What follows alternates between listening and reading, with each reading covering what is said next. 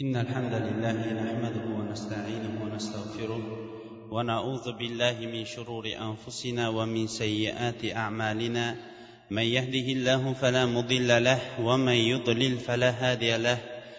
وأشهد أن لا إله إلا الله وحده لا شريك له وأشهد أن محمدا عبده ورسوله.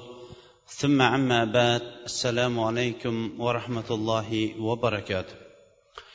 Odatdagiday suhbatimizni boshlashdan avval biz alloh taoloning go'zal ismlari va oliy sifatlari bilan ushbu majlisimizni turli xato va kamchiliklardan xoli bo'lgan bardavom majlislardan qilishligini tarqalishligimizda esa alloh taoloning ilm halaqalarini qidirib yuruvchi farishtalari bizlarga qarata ey ollohning bandalari endi o'rninglardan turaveringlar vaholanki sizlarning gunohinglar endi kechirilindi degan majlislardan qilishligini so'rab suhbatimizni boshlaymiz. Juma kunlari imom zahabiy rahimaullohning gunohi kabiralar deb atalgan kitobini dars qilib o'rganayotgan edik. Navbatdagi gunohi kabira oltmish uchinchi gunohi kabiraga kelib to'xtagan edik. Imom zahabiy rahimaulloh gunohi kabirani turli qismlar bilan tartiblab turib yetmishta gunohi kabirani kabair gunohi kabiralar kitobiga jamlagandir.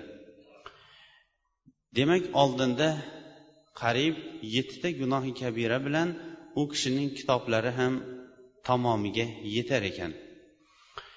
Oltmish uchinchi gunohi kabira alloh taoloning makridan xotirjam turishlik gunohi kabirasi. Allohning makridan xotirjam turishlik gunohi kabirasi deganda ko'pchilik tushunishi mumkin. Olloh ham makr qiladimi? Ollohda ham shunday salbiy makr qiladi degan hiyla sifati bormi degan tushunchaga kelib qolishi mumkin. Hammamizga ham ma'lumki alloh taoloni bizlarga ma'lum qilgan to'qson to'qqiz chiroyli ismlari bor. Va to'qson to'qqizdan ko'p oliy sifatlari bordir. Bu sifatlarning hammalari ham salbiy sifatlar bo'lmasdan hammalari ham ijobiy sifatlardir. Ammo makr aldashlik degan masala alloh taoloda yo'q. Lekin hiyla qilayotgan makr qilayotganlar oldida aldanib qolishlik degan ham allohning sifati yo'qdir. Shuning uchun ham makr qiluvchilar makr qilishlik sifati kelgan vaqtda alloh taoloning ham ularga makr qilinishlik sifati bayon qilingan. Qur'oni karimda bu haqida auzu billahi minash shaytonir rojim vayamkuruna vayamkurulloh ular ollohga makr qilishmoqchi edi ollohning o'zi ularga makr qilib qo'ydi degan makr qilib qo'ydi degan oyat bor.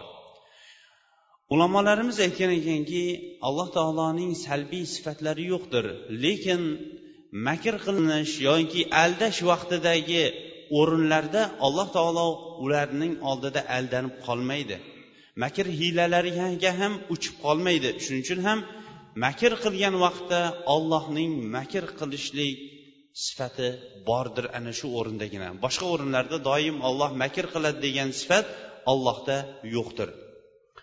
Ammo imom zahabiy rahimaulloh bu yerda allohning makridan xotirjam bo'lish degan vaqt hamma o'rinda ham bizlar uchun kerak bo'lgan masaladir. Xotirjam ravishda inson ba'zan o'ziga o'zi xotirjam holatda qoladi. Allohga hamdlar bo'lsin mana besh vaqt namozni o'qiyapmiz. Allohga hamdlar bo'lsin mana farzandlar ham namoz o'qiyapti. Yoki inson aytishligi mumkin hajga ham borib keldik. Mana bunday ishlarni qildik deb turib xotirjam bo'lib qolishligi mumkin. Mana shunday xotirjam bo'lib o'tirishlik gunohi kabiralarning bittasi hisoblanar ekan. Chunki olloh biladi insonning oxir oqibati nima bilan yakunlanishligini.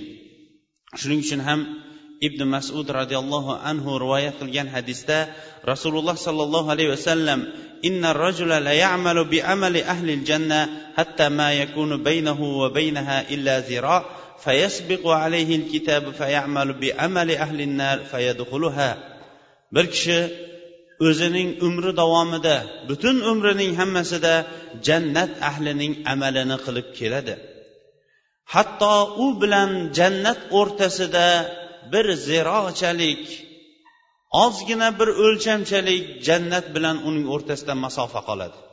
Odamlar bu kishini bir umr insonlarga yaxshi muomalada bo'lgan ibodatda bo'lgan obid ibodatgo'y deb o'ylaydi. Lekin uning taqdiri jahannam ahlidan bo'lib yozilgan bo'lib turib bir amal jahannam ahlining amalini qiladida o'sha jahannam ahlining amalini qilishligi bilan vafot etadi va jahannam ahlidan bo'lib ketadi dedi. Shuning uchun ham inson har qanaqa katta amallar qilmasin baribir u oxir oqibatidan qo'rqmoqligi kerakdir.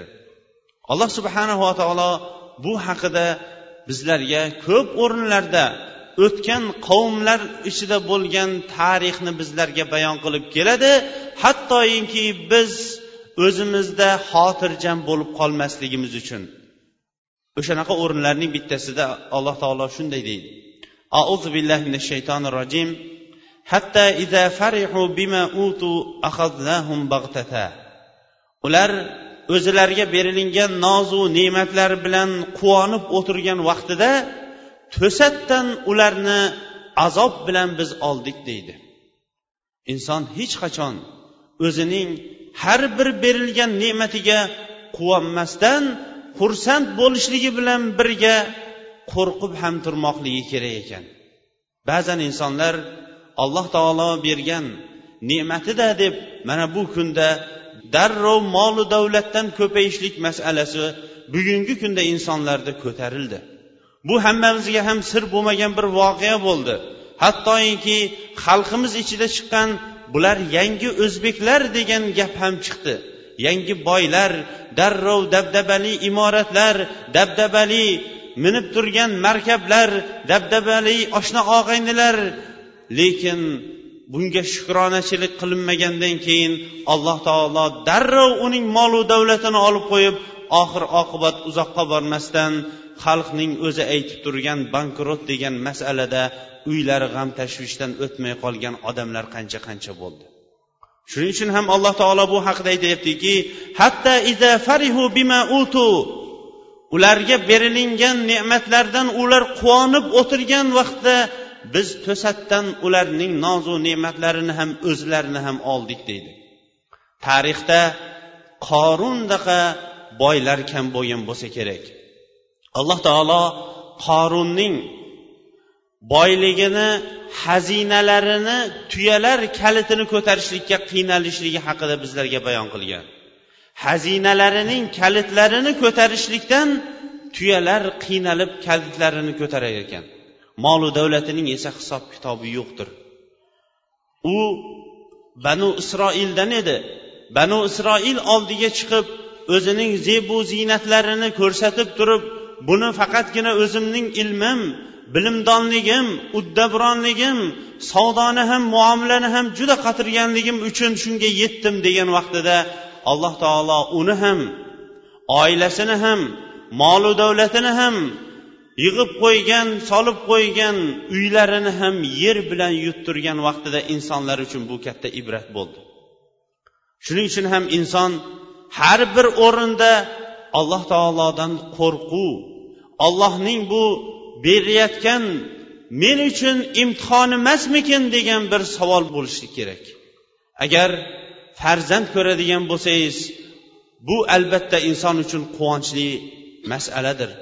Quvongan vaqtingizda ikkinchi tomondan bir qo'rqib ham qo'ymoqlik kerakki farzand endi qanday salohiyatli farzand bo'larmikin? Yoyinki menga va mening dinimga zarariga sabab bo'ladigan farzand bo'lishligi mumkinmikin degan.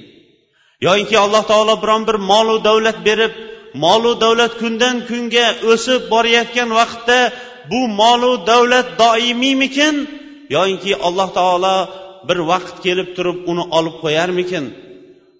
Sog'liq berib turgan vaqtda sog' bo'lib turgan inson ham qo'rqmoqligi kerakki bu sog'liq allohning toatida ishlatiladigan sog'liqmikin? Yoyinki alloh taolo buni yomon kasallik bilan biron bir a'zolarning ishlamay qolib qarilik vaqtida o'zgalarga muhtoj bo'lib o'tadigan holat bo'lib qolarmikin degan qo'rquvda inson bo'lmoqligi kerak. Shuning uchun ham ulamolar aytganki qo'rquv va umid mo'min kishining ikkita qanoti bo'lmoqligi kerakdir. Yuqorida o'qilingan oyatda hasan basriy rahimaulloh aytgan ekanki alloh taolo qaysi bir insonga biron bir narsadan kengchilikni bersa lekin u berilingan ne'mat allohning makri deb o'ylamagan bo'lsa uning oqibati yomondir. Hatto ida farihu bima utu akhadnahum baghtatan fa idahum mublisun ular o'zlariga berilingan nozu ne'matlardan xursand bo'lib turgan vaqtda to'satdan biz ularning ne'matlarini ham o'zlarini ham azob bilan oldik deyapti. Boshqalari aytgan ekanki agar biron bir inson qilayotgan gunohlarida davom etayotgan umri esa shu gunoh bilan uzoq bo'lib ketayotgan bo'lsa bu inson ollohning makridan qo'rqsin degan ekan. Haqiqatdan ham shunday bir odamlar bo'ladiki jamiyatda odamlar uning haqqiga duoibat qilib turib qachon o'lar ekan shunda tinchirkan deydi. Shunday bir katta bir davlatlarni boshqarib turgan odamlar ham bo'ladiki olloh shunga shunchalik umr beribdiki shunchalik zulmiga qarab turib umr ham beraverarkanda deb xalqlarning nolasi ko'payadi. Lekin o'sha vaqtda bilsinki alloh taoloning unga qilgan makridir. U asta sekinlik bilan allohning bandalariga aziyat yetkazar ekan u o'zi uchun qiyomatga katta gunoh to'playotganligi va u sezmagan holatda u uchun katta gunohlar to'satdan kelib qolishligining belgilarining bittasi degan ekan. Uqbat ibn umar roziyallohu anhu aytadiki rasululloh sollallohu alayhi vasallam aytdilarki يؤتي العبد ما يحب وهو مقيم على معصيته فإنما ذلك منه استدراج ثم قرأ فلما نسوا ما ذكروا به فتحنا عليهم أبواب كل شيء حتى إذا فرحوا بما أوتوا أخذناهم بغتة ular o'zlariga berilgan nozu ne'matlarga shukur qilishlikni unutganidan keyin ularga dunyo eshiklarining hammasini ochib yubordik deydi Demak shukur qilmayotgan bandalarga ham alloh taolo nozu ne'matlarni berib yuborishligi qancha qancha milliarder bo'lib ketishligi mumkin ekan. Lekin uning oqibati esa hatto ida farihu bima utu ular o'zlariga berilgan nozu ne'matlar bilan xursand bo'lib turgan vaqtida to'satdan o'zimizning azobimiz bilan ularni olib qo'ydik deydi. Shuning uchun ham inson har bir o'rinda har bir o'rinda alloh taologa shukur qilishligi bilan birga uning oxir oqibatidan qo'rqmoqligi kerakdir. Imomi javziy rahimaulloh zammul hava havoni mazammatlashlik degan o'rinda oxir oqibatdan qo'rqishlik haqida gapiradi. Bu borada madomiki suhbatimiz alloh taoloning makridan omonda qolishlikdan omondaman deb qo'rqmay o'tirishlik gunohi kabirasi bo'lar ekan ulamolar qo'rqishlik darajasini uch qismga bo'lgan. Birinchi turdagi qo'rqishlik avom xalqning azobdan qo'rqishligi umumiy azoblardan qo'rqishligi alloh taoloning dunyodagi va oxir oqibatdagi qabr va jahannamdagi qo'rqishlikdan qo'rqishligi. Ikkinchi qismi allohning makridan qo'rqishlik. Shu berilayotgan ne'matlar menga imtihon yo balo bo'lmasmikan deb turib qo'rqishlik. Uchinchi turdagi qo'rqishlik esa oxir oqibatdan qo'rqishlik. Yomon xotima bilan o'lishlikdan qo'rqishlik. Mana bu qo'rqishlikning uchovi ham mo'min kishi bilan hamroh bo'lmoqligi kerakdir. Zeroiki rasululloh sollallohu alayhi vasallam al umuru bi ishlarning yakunlanishligi bilan hisob kitob unga beriladi. Ya'ni qanday inson hayoti yakunlanadigan bo'lsa uning umri ham narigi dunyodagi hayoti ham xuddi shunday bo'ladi deydi. Sahoba va tobiinlarda qo'rqishlik masalasi nihoyatda qattiq bo'ldi. Vaqtimiz yetguncha ularning ba'zilariga to'xtab o'tamiz. Yuqorida aytganday ibn javziy rahimaulloh zammul hava havoyi nafsni mazammat qilishlik degan kitobida bir qissani keltiradi. Insonlar ichida taqvo bilan ibodat bilan namoz bilan ma'ruf bo'lgan bir kishi bor edi deydi. Bu kishi doim namozda ham birinchi safda azon aytiladigan bo'lsa azonni ham o'zgalarga bermasdan faqatgina o'zi aytishlikni talab qilib birinchi masjidga keladigan salohiyatli inson edi. Bu kishi avvalda hammamizga ham ma'lum ovoz uzatgich mikrofonlar bo'lmaganligi uchun ham avval azonlar masjid minoralarida masjid minorasi bo'lmagan masjidlarni tomlarida azon aytilingan. Bir kuni masjidning tomiga azon aytishlik uchun chiqqan edi. Masjidga qo'shni bo'lgan xonadonga ko'zi tushdi. Hovlida yurgan qizga ko'zi tushib unga maftun bo'ldi deydi. Oila esa xristian dinidagi nasoro dinidagi oila edi. Azonni aytmasdan to'g'ri pastga tushib ketdi. Shu bilan eshik qoqib boruvdi. O'zining hojatini aytganidan keyin qizimizni sizga bermaymiz hattoinki dinimizni qabullamagunizcha dedi. Uning ollohdan bo'lgan qo'rquvi shu yerda yo'qoldida nasoro dinini qabullashlikka ham rozi bo'ldi. Qabullanib ular rozi bo'lib to'yni belgilagan kuni yuqoridan yiqilgan holda vafot etdi. Na qizga yetdi na o'zi topgan iymoni bilan ketdi deb ibn javziy rahimalloh o'zini kitobida zikr qiladi. Bunday holatlar nihoyatda ko'p.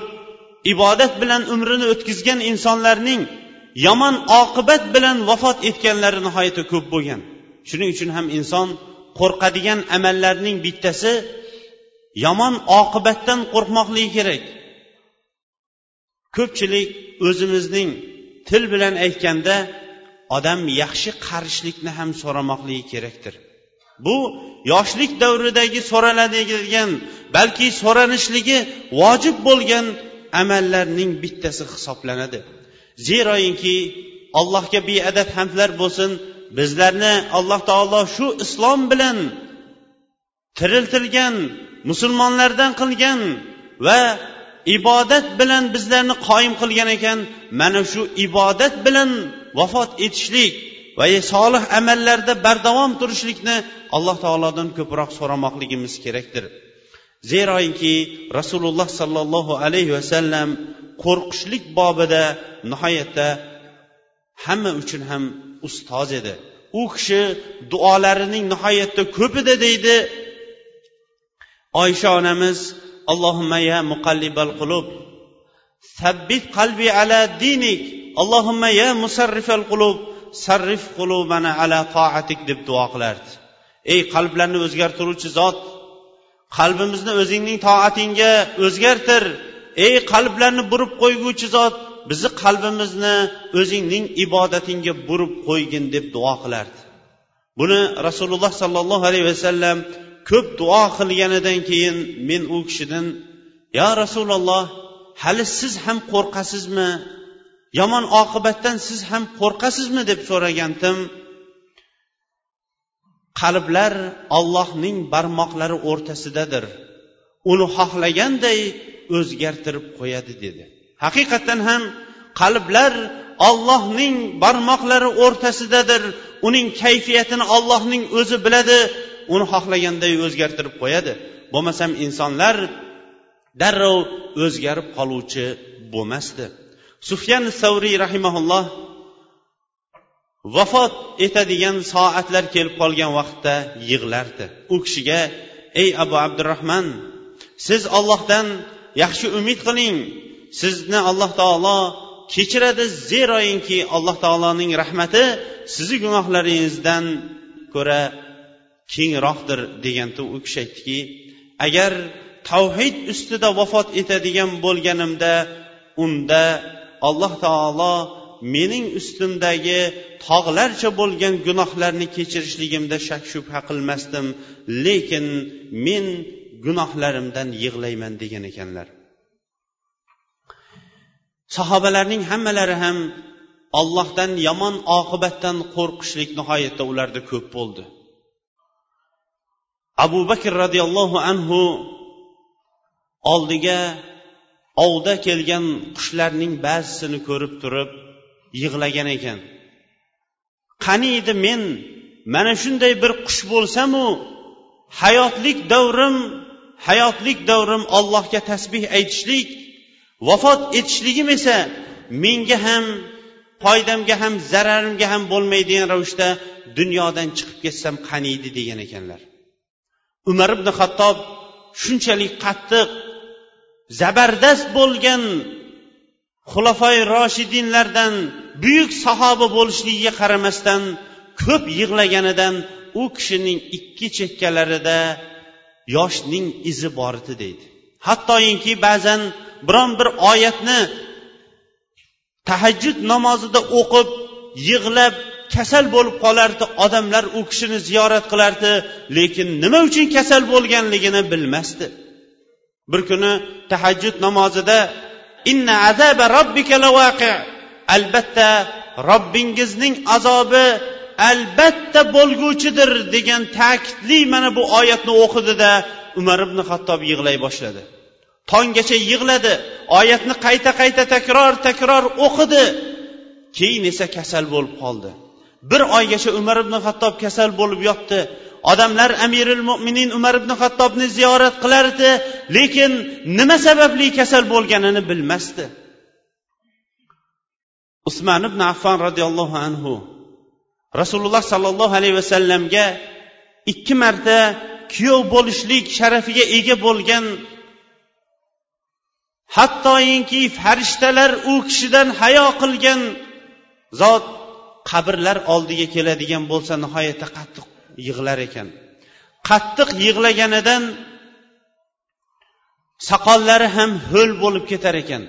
Shunda u kishidan ey amiril mo'minin sizga qachon jannat yoyinki jahannam haqidagi oyatlar o'qiladigan bo'lsa bunchalik qattiq yig'lamaysiz? Nima sababdan nima sababdan qabr oldiga keladigan bo'lsangiz bunchalik ko'p yig'laysiz? desa u kishi aytar ekanki chunki men rasululloh sollallohu alayhi vasallamning qabrlar mo'min kishining masalasi hal qilib qo'yiladigan avvalgi o'rin qabr bo'ladi degan gaplarini eshitgandim qabrga keladigan bo'lsam mening o'rnim shu jahannam ahlidan bo'larmikanman yoyinki jannat ahlidan bo'larmikanman mana shuni o'ylagan vaqtimda o'zimni tutib tura olmayman degan ekanlar.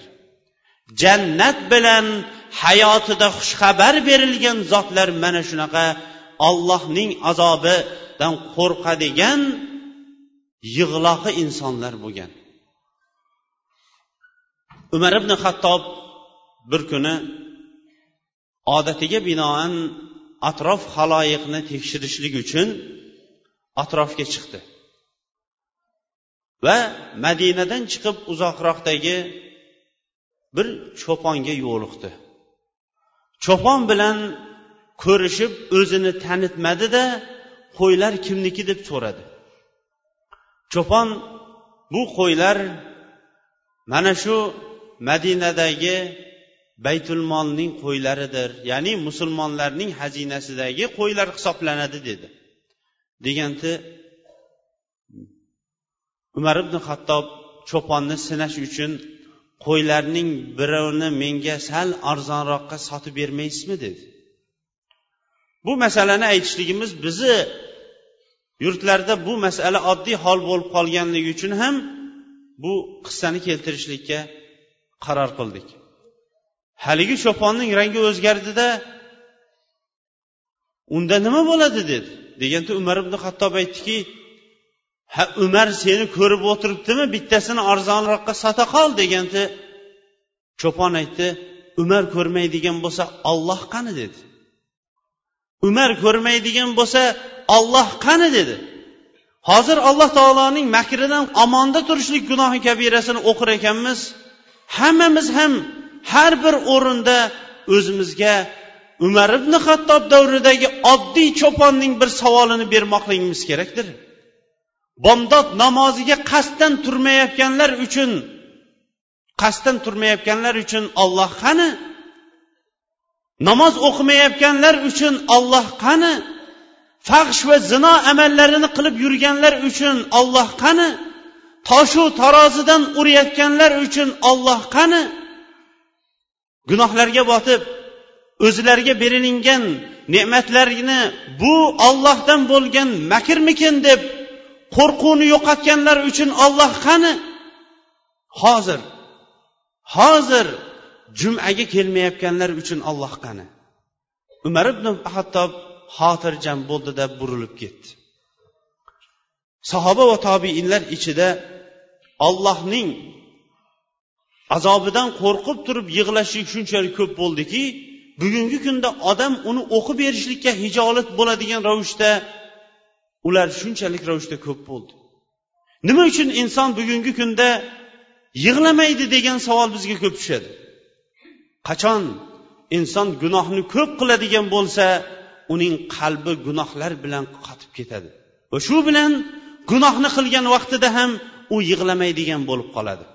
Shuning uchun ham rasululloh sollallohu alayhi vasallam agar banda biron bir gunoh qiladigan bo'lsa uning qalbiga qora nuqta tushadi. Va qancha gunohni ko'paytiraveradigan bo'lsa qora nuqta kengayaveradi. Agar tavba qilsa va gunohidan tiyilsa qalbi tozalanadi dedi. Ato sulamiy rahimaulloh mashhur tobiinlardan bu kishi nihoyatda qattiq va ko'p yig'lar ekan. Ko'p yig'laganligidan ko'zining kasal bo'lib qolishligidan atrofidagilari qo'rqqanidan u kishiga tabib keltirdi. Tabib u kishining ko'zini bir tekshirib ko'rganidan keyin mayli men sizni ko'zingizni ollohni izni bilan davolaymiz lekin bitta sharti bor. Sharti nima? deganda uch kungacha yig'lamay turasiz dedi. Uch kungacha yig'lamay turasiz deganda ato sulamiyning g'azabi keldida unday bo'lsa bo'lmaydi bizni sizga hojatingiz yo'qdir dedi. Ularning ollohning azobini eslab turib yoyinki hayoti dunyodagi oxir oqibatidan qo'rqib turib yig'lashligi shu daraja bo'ldiki ba'zilari hatto qo'rquv oyatlarini o'qigan vaqtida hushidan ketib vafot etganlar ham bo'ldi. Hammamiz ham fudoyl ibn iyodni nihoyatda yaxshi bilamiz. Fudoyil ibn iyod alloh u kishidan rozi bo'lsin hayotida buyuk va eng katta qaroqchi bo'lgan keyin tavba qilib turib eng buyuk tarixda maqtaniladigan orqasidan rahmat aytiladigan obid zohid inson bo'lgan. Fudoyil ibn iyoz o'zining tarixi haqida gapiradi. Nihoyatda qattiq makka va madinaga boradigan yo'lda qaroqchilik qilardim. Qaroqchilikni ham yolg'iz o'zim qilardim deydi. Bir katta karvon o'zining qo'rg'ab turadigan askarlari bilan bo'lgan karvonni yolg'iz o'zi qaroqchilik qilib to'sib molu davlatini tortib oladigan odam qanaqa ekanligini endi tushunavering bugungi kundagi rektlar ham yolg'iz o'zi qaroqchilik qilolmaydi. Bir qancha oldida odamlar bo'ladi lekin fudoyl ibn iyod o'sha davrning yolg'iz rekti edi. Bir kuni charchab kelib qaroqchilikka chiqmaymanda o'sha qishloqda eshitgan eng chiroyli deb eshitgan qizning uyiga kiraman dedimda yo'lda charchab kelib bir joyda dam olib olmoqchi bo'ldim. Dam olmoqchi bo'lib bir kulba orqasida o'tsam odamlarning g'ovur g'uvurini eshitib qoldim. Odamlar ba'zilari yo'lga yuraveraylik desa boshqalari ey sizlar bilmaysizlar bu yer fuzoil turadigan o'rin hisoblanadi. Kunduzi yuraylik kechqurun u hujum qilib qoladigan bo'lsa hammamizni vayron qiladi. Ayollarimizni cho'ri qilib olib ketib qoladi. Deb turganini eshitdim. Bunday qarasam ketayotgan karvon ekan. Maqsadlari makkaga ketayotgan karvon ekanligini bildimda ularga tegmadim. Keyin esa yurib haligi aytgan qizning uyiga borib uydan kirib qiz yotadigan xonaga kirmoqchi bo'lib tursam qizning tahajjud namozini o'qiyotganini eshitib qoldim. Qiz qayta qayta mana bu oyatni takrorlardi. Auzu billahi minash shaytonir rojim alam ya'ni lillazina amanu an yakhsha'a qulubuhum li zikrillah. Va ma nazala minal haq iymon keltirgan kishilar ollohning nomi eshitilgan vaqtida ularning badanlari titrab nozil bo'lgan haq qur'onga iymon keltiradigan vaqt kelmadimi degan oyatni o'qib turgan ekan. Bu oyatni qayta qayta o'qiganida birinchi bor eshitganimdan bu oyat mening qalbimni yorib yubordi. O'zimga o'zim holingga voy bo'lsin ey fudoyl odamlarning tinchini buzib qizlarga tajovuz qiladigan bo'lsang yo'lda qaroqchilik qilib allohning uyiga ketayotgan hojilarning yo'lini to'sib molini olib ayollarini cho'ri qiladigan bo'lsang holingga voy bo'lsin dedimda shu o'rinda tavba qildim. Alloh mening qalbimni ochdi. Va haligi karvonga yetib oldimda o'zimni ham musofir hisobida ularga tanishtirib ular bilan birga makkaga ketdim deydi. Shu kundan fudoyl ibn iyob rahimaullohning hayoti boshlanadi. U kishi borib buyuk obid taqvodor insonlarning biriga aylanadi. Kabada umrini o'tkazadi qolganini va ilm bilan shug'ullanib turib makkadagi masjidlarning birida imom bo'ladi. Uylanib farzandli bo'lgandan keyin o'zidan ham taqvoli bo'lgan ali degan bir o'g'il farzandli bo'ladi. Fudayl rahimaulloh o'zi ham ollohning azobini o'qiydigan bo'lsa nihoyatda qattiq yig'lardi o'g'li bo'lsa otasidan o'tgan edi. Yig'lab hushidan og'ib qolardi fudayl qachon imomga o'tadigan bo'lsa orqasida o'g'li turganini ko'radigan bo'lsa jahannam azob haqidagi oyatlarni o'qimasdi. Bir kuni o'g'lining orqasida bomdod namozini o'qiyotganini sezmagan fudayl mana bu surani o'qidi anam surasidagi qiyomat haqidagi oyatlarni o'qib turib auzu billahi minash shaytonir rojim ولو ترى إذ وقفوا على النار فقالوا يا ليتنا نرد jahannam egalari jahannamning oldiga olib kelingan vaqtda ular ey koshkiydi endi biz dunyoga qaytarilsak degan oyatini o'qigan vaqtida o'g'illari fudayl hushidan ketdi. Va shu bo'yicha u o'ziga kelgani yo'q deydi. Ollohdan qo'rqib allohning azobidan qo'rqib turib yig'lashlik sahoba va tobeinlar hayotida nihoyatda ko'p bo'ldi. Ular o'zlarining o'zlarining xatolari uchun yig'lashdi. Ibn subki rahimaulloh bilan damashqdagi g'azotlarning bittasida g'azot qildik deydi u kishining do'stlaridan bittasi. U kishi g'azotdan keyin aytdi. Qancha qancha insonlar vafot etishyapti. Ularning qaysi biri jahannamga qaysi biri jannatda ekanligini bilmaysiz. Allohga qasamki allohga qasamki men shu kundan boshlab kulmayman hatto o'zimning boradigan o'rnim qayer ekanligini bilmagunimcha deydi. Shu kundan boshlab u kishining kulganini biron bir marta hayotda ko'rmadik. Hatto o'zining yaqin do'stlari bilan o'tirgan vaqtlarida ham kulmasdi. Lekin vafot etganidan keyin yo'qchi bizlarga xushxabar olib keldiki ibn subki to yuvib bo'lgunimizcha tabassumi chehrasidan arimay turdi deydi. Allohning makridan qo'rqishlik har birimiz uchun ham vojib bo'lgan amallardan bo'lganligi uchun ham imom zahabiy rahimaulloh oltmish uchinchi gunohi kabiralarning bittasi hisobida tartib bilan kiritdi. Allohning dunyodagi va oxiratdagi azobidan qo'rqishlik hayotda berilingan har bir ne'matga shukur qilishlik va shu ne'matning ketib qolmasligini so'rash bo'ladigan bo'lsa o'shalarning eng avvali iymon bo'lmoqligi kerakdir. Qancha qancha insonlarni mana shu o'zimizning asrimizda o'zimiz ko'rib turgan ba'zi insonlarni namozda barqaror bo'lib keyin ularni ibodatda topmay qolgan yoinki yoshlari keksaygan vaqtlarida ibodatni tark qilib gunohlarga g'arq bo'lib ketganini eshitgan vaqtda inson haqiqatdan ham badani junjikadigan ravishdagi og'ir masalalarning bittasidir. Alloh taoloning go'zal ismlari va oliy sifatlari bilan hammamizni ham alloh taolo berilingan ne'matlar bizlar uchun haqiqiy ne'mat azob bo'lib qolishiga sabab bo'ladigan ne'mat qilib qo'ymasligini alloh taolodan so'raymiz. Ho'p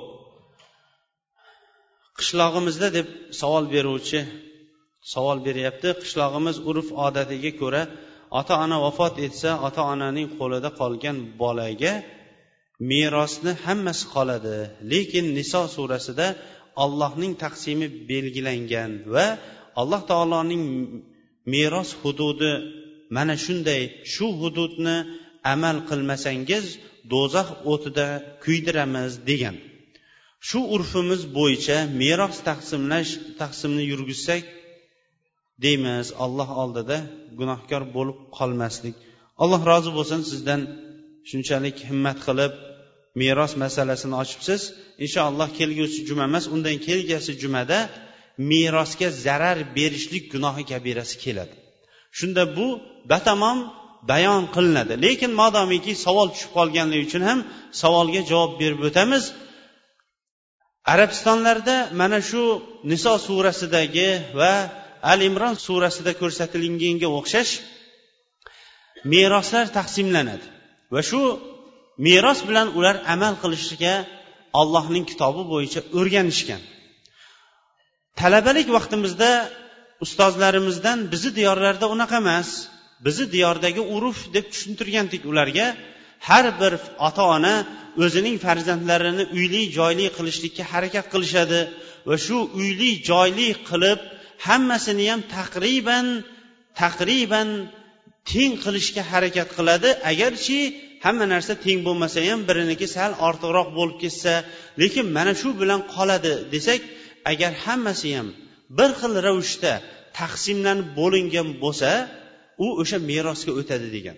Lekin inshaalloh o'sha keyingi emas undan keyingi haftalarga merosga zarar berishlik darsimizda to'lig'i bo'yicha meros haqida inshaalloh tushuncha beramiz. Bu yerda ko'pchilik duo so'rashibdi. Shanba va dushanba kunlari imtihonim bor edi. Duo qilsangiz debdi. Ho'p mahr berish farzmi? Mahr berishlik vojibdir. Alloh taolo niso surasida auzu billahi minash shaytonir rojim va atun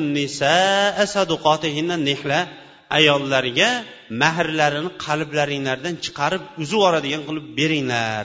Keyin uylanib olgandan keyin qaytib oladigan emas deyapti. Shuning uchun ham mahr berishlik vojibdir. Ollohning farzini tan olmayman degan kishi musulmonmi? Birinchidan biz odamlarni musulmon bo'lib o'zida ba'zi bir amallarda johil yurgan odamlarni islom chegarasidan chiqarib yuborishligimiz yaxshi emas. Aksincha insonlarni islomga chaqirishligimiz kerak. Birovni kofir qilishlikka biz buyurilmaganmiz balki musulmon qilishlikka buyurilganmiz.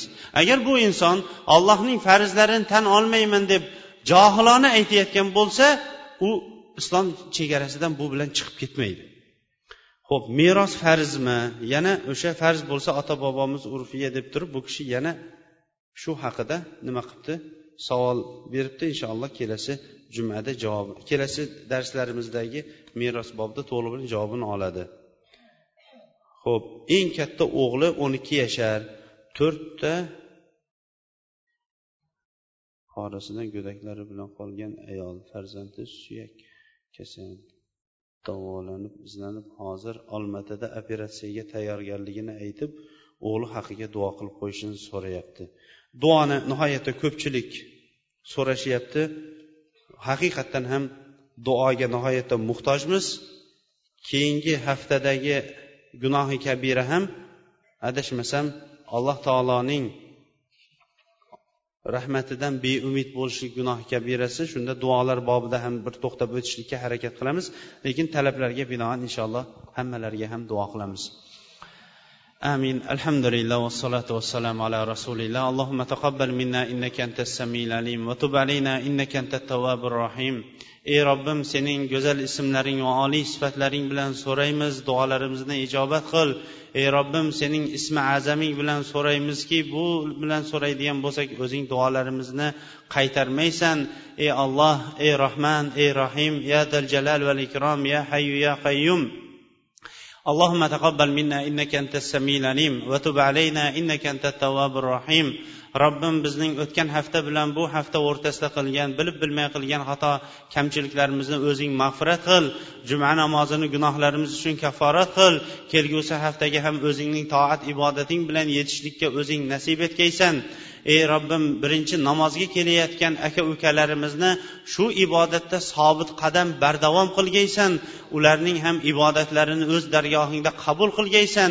Namozga kelolmay yurgan aka ukalarimizning ham qalblarini namozga burgaysan. Ularni ham masjidlarga kelishlikka o'zing nasib etgaysan ey robbim oilalarimizdan iymon va amali solih bilan o'tgan ajdodlarimizni o'z rahmatingga olib qabrlarini jannat bog'chalaridan bir bog'chaga aylantirgaysan. Ey robbim farzandlarimizni o'zimiz o'ylagandan ham ortiqroq o'zingning toatingda ko'rganimizda ko'zlarimiz quvonchi bo'ladigan salohiyatli farzandlardan qilgaysan. Befarzandlarga o'zlari o'ylagandan ham ortiqroq salohiyatli farzandlar bergaysan. Farzandlari bemor bo'lgan umumiy mashriqu mag'ribdagi bemorlarga o'zing dardlariga shifo bergaysan ularni tezroq saqayib ketishlikka o'zing madad bergaysan shifo faqatgina o'zingdandir sabab harakat qilishlik bizdandir. Mana shu duolarimiz ham sen uchun qilayotgan qidirayotgan shifo uchun qidirayotgan sabablarimizdir. Ularga o'zing shifo bergaysan. La shifa illa shifauk. Ey robbim ularning o'sha dardlari sababli chekkan aziyatlarini hayotidagi kamchilik xatolari uchun kafforat qilgaysan. Musofirlarimizni iymon va amali solih bilan qaytishlariga o'zing nasib qilgaysan. Xonadonlardagi notinchliklarni ko'tarib o'rnini tinchlik xotirjamlik barakot bilan to'ldirgaysan. Hammaning xonadonlariga ham osoyishtalik bergaysan. Ey robbim bizlarni halol bilan qanoatlantirib haromdan hazar qiladigan bandalaringdan qilgaysan. Bizlarga berilingan hamma hamma ne'matlarni o'zing uchun bo'lgan yaxshiliklardan qilgaysan makr hiylalardan qilib qo'ymagaysan. Ey robbim ushbu masjidimizga ta'mirlashlik modomiki boshlangan ekan. Oxirigacha o'zing bizlar uchun madad bergaysan va o'zingning uyingni obod qilish uchun kirishgan aka ukalarimizga o'zing madad bergaysan ularning ham dunyo va oxiratdagi uylarini o'zing obod qilgaysan.